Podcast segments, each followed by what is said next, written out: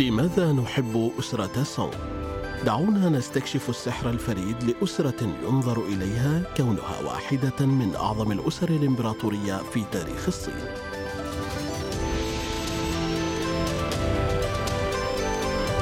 الحلقة الرابعة والعشرون حدائق أسرة سونغ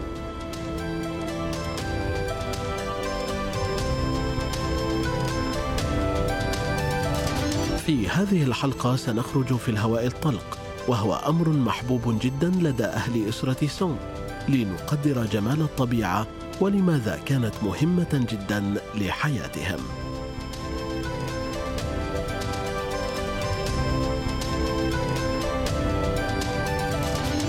معكم أحمد شلش في هذه السلسلة الصوتية لماذا نحب أسرة سونغ التي تسلط الضوء على أحد أبرز المعالم في تاريخ الصين العريق.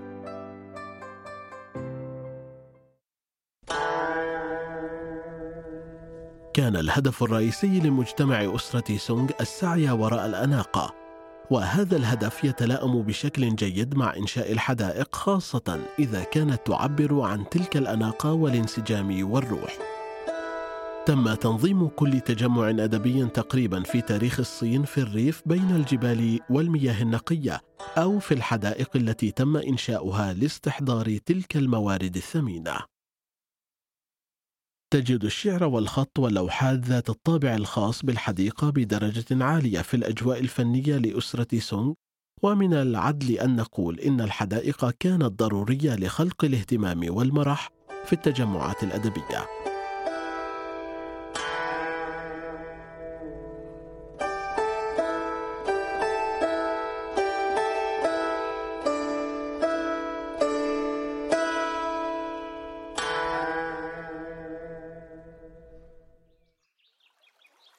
إذا لماذا كانت الحدائق أماكن مثالية لتجمعات الأدباء؟ أو بعبارة أخرى ما نوع الحدائق المؤهلة كأماكن مثالية؟ أولا وقبل كل شيء يجب أن تتمتع بيئة طبيعية تلائم الشعر والرسم إما بجبال حقيقية أو مصنعة ومياه حقيقية وأماكن ساحرة وأزهار نادرة وصخور غريبة فضلا عن طيور ثمينة ونباتات عجيبة.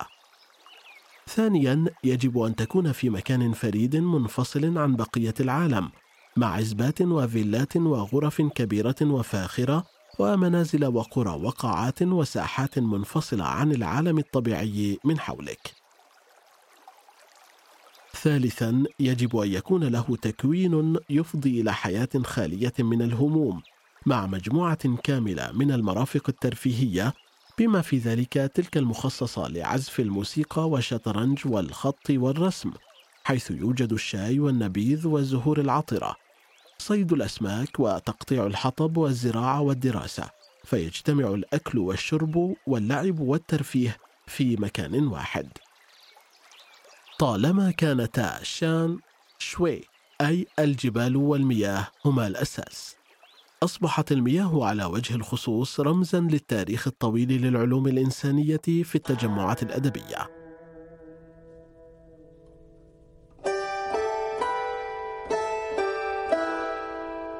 دعونا نتوقف لحظة للتجول في بعض أشهر الحدائق في تاريخ تجمع الأدباء.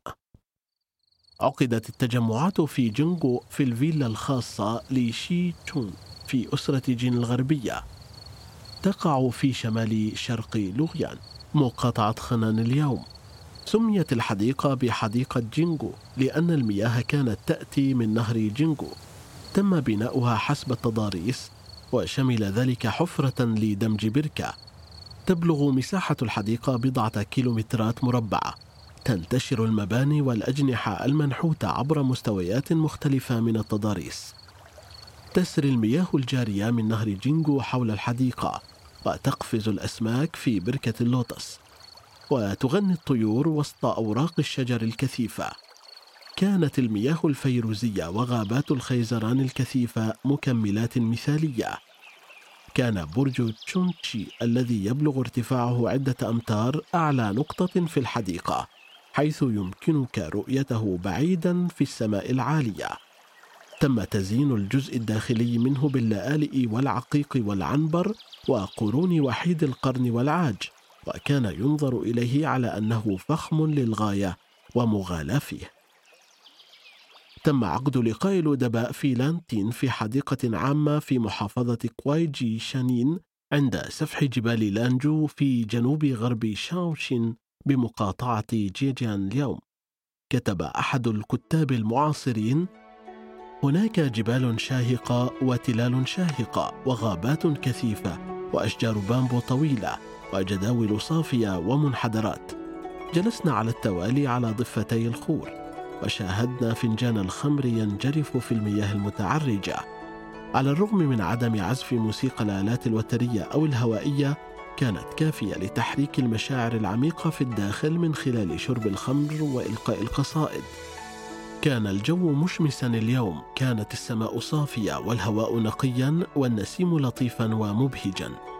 عندما ننظر لاتساع الكون ونراقب كل شيء من حولنا نترك أعيننا تتنقل وتتسع عقولنا. تجاوز هذا أي ترفيه سمعي أو بصري. أعتقد أن هذا كان سعادة حقيقية ومتعة لا مثيل لها. عقدت التجمعات الأدبية في شيوان في المقر الخاص لوانشن في عهد أسرة سونغ الشمالية. كان بالقرب من بوابة المدرسة الثانوية التابعة لجامعة خنان في القسم الشمالي من شارع جيفان بمدينة كايفان في مقاطعة خنان اليوم. بصفته الشخصية المركزية لتجمعات الأدباء في شيوان ودائرة الأصدقاء كان سوشي يحب شيوان حبا كبيرا. غالبا ما ذكرت أشعاره ونصوصه شيوان. شيوان هذا المكان الذي لا ينسى. في أحد الأعمال يتذكر قائلا أنا لا أكره كل هذه الزهور الذابلة لكن تؤلمني رؤيتها على أرض شيوان. تقول قصيدة أخرى الماء يتدفق ببطء فوق الأحجار تبتلع الرياح الخيزران يدور دخان المدخنة وسط الأعشاب والأشجار العطرة. هذا ببساطة الفرح الجلي وغير المشروط في هذا العالم. أولئك الذين يسعون لتحقيق شهرة وثروة أكبر بدون معرفة متى تختفي لن يستمتعوا بهذا.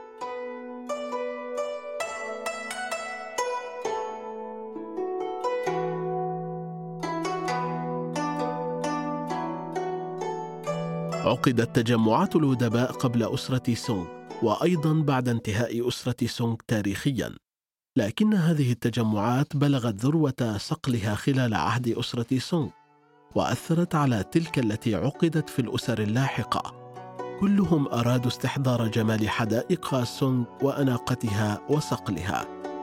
كانت السمات المركزية لجميع الحدائق التي ظهرت بعد ذلك هي الحدائق الصخرية والجداول والأجنحة. تعد هذه الحدائق والأنشطة الفنية التي استضافوها مصدر سحر حتى يومنا هذا. لكن هل يجب أن نهتم بهم بخلاف تقدير كونهن جميلات وتصوير مكان محل غبطة الجميع في التاريخ؟ هل لديهم أي أهمية لحياتنا اليوم؟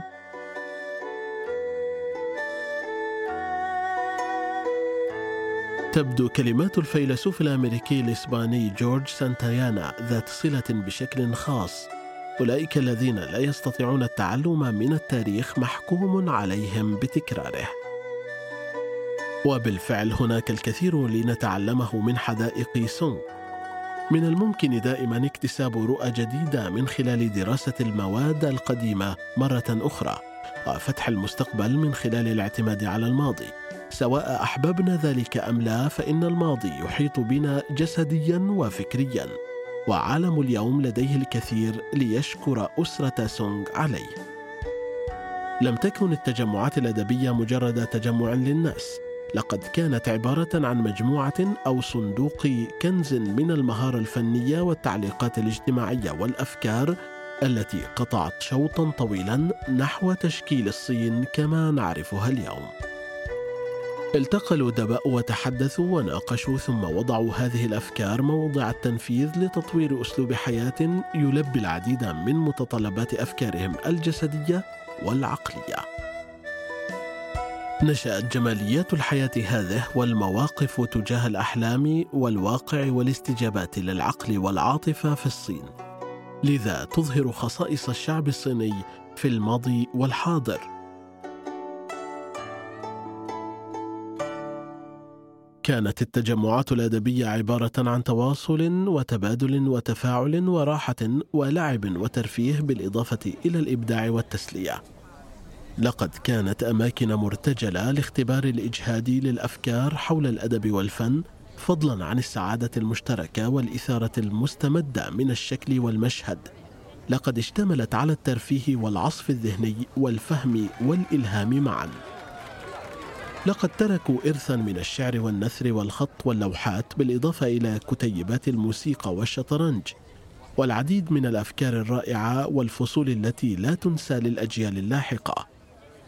يجسد الاحتفال والصداقة والتقدير والمناقشة في التجمعات الأدبية دلالات ثقافية صينية غنية. لم تكن التجمعات الأدبية مختلفة عن الصالونات التي تطورت في القرن الثامن عشر في فرنسا. تجمع الأشخاص ذوي التفكير المماثل لمناقشة الموضوعات المشتركة. لقاء تعارف فكري سريع أو كأنها عطلة نشاط للفنانين أو أولمبياد للعقل. يحدث كل ذلك في مكان آمن محاط بعجائب الطبيعة. كان تجمع الأدباء أيضا حدثا شارك فيه الجميع. قد يكون أحدهم مؤديا في لحظة واحدة وفي لحظة أخرى يكون واحدا من الجمهور. في اللحظة التالية أصبح أحدهم هو الجمهور والآخر أصبح مؤديا. أولئك الذين شاركوا في تجمع أدبي كانوا فنانين وممثلين والجمهور وتعاونوا وتنافسوا في الوقت نفسه. غنى أحدهم ونسق الآخر وكثيرا ما يكافأ جهد كليهما. يخدم الماضي الحاضر ويبدأ الحاضر بالماضي. كانت التجمعات الأدبية بلا شك الطريقة الأكثر حيوية وتوجها نحو الناس لاستخدام الحياة كوسيلة لنقل التراث الثقافي للأمة الصينية وتطويره. كانت التجمعات الأدبية صلة الوصل بين الأناقة جمعت بين أناقة السماء والأرض وكل الأشياء بينهما. بهذا المعنى كانت تعبيرا فكريا عن الطريقة التي رأى بها شعب سونغ الحياة. لا يختلف الخارج عن الداخل نحن جميعا متماثلون. فلنستمتع جميعا بهذه الرحلة الرائعة معا. شكر خاص إلى سانيان تشوندو الذين ساعدوا في تأليف محتوى هذا البرنامج. كان معكم أحمد شلش نشكركم على حسن استماعكم. انتظرونا في الحلقة القادمة.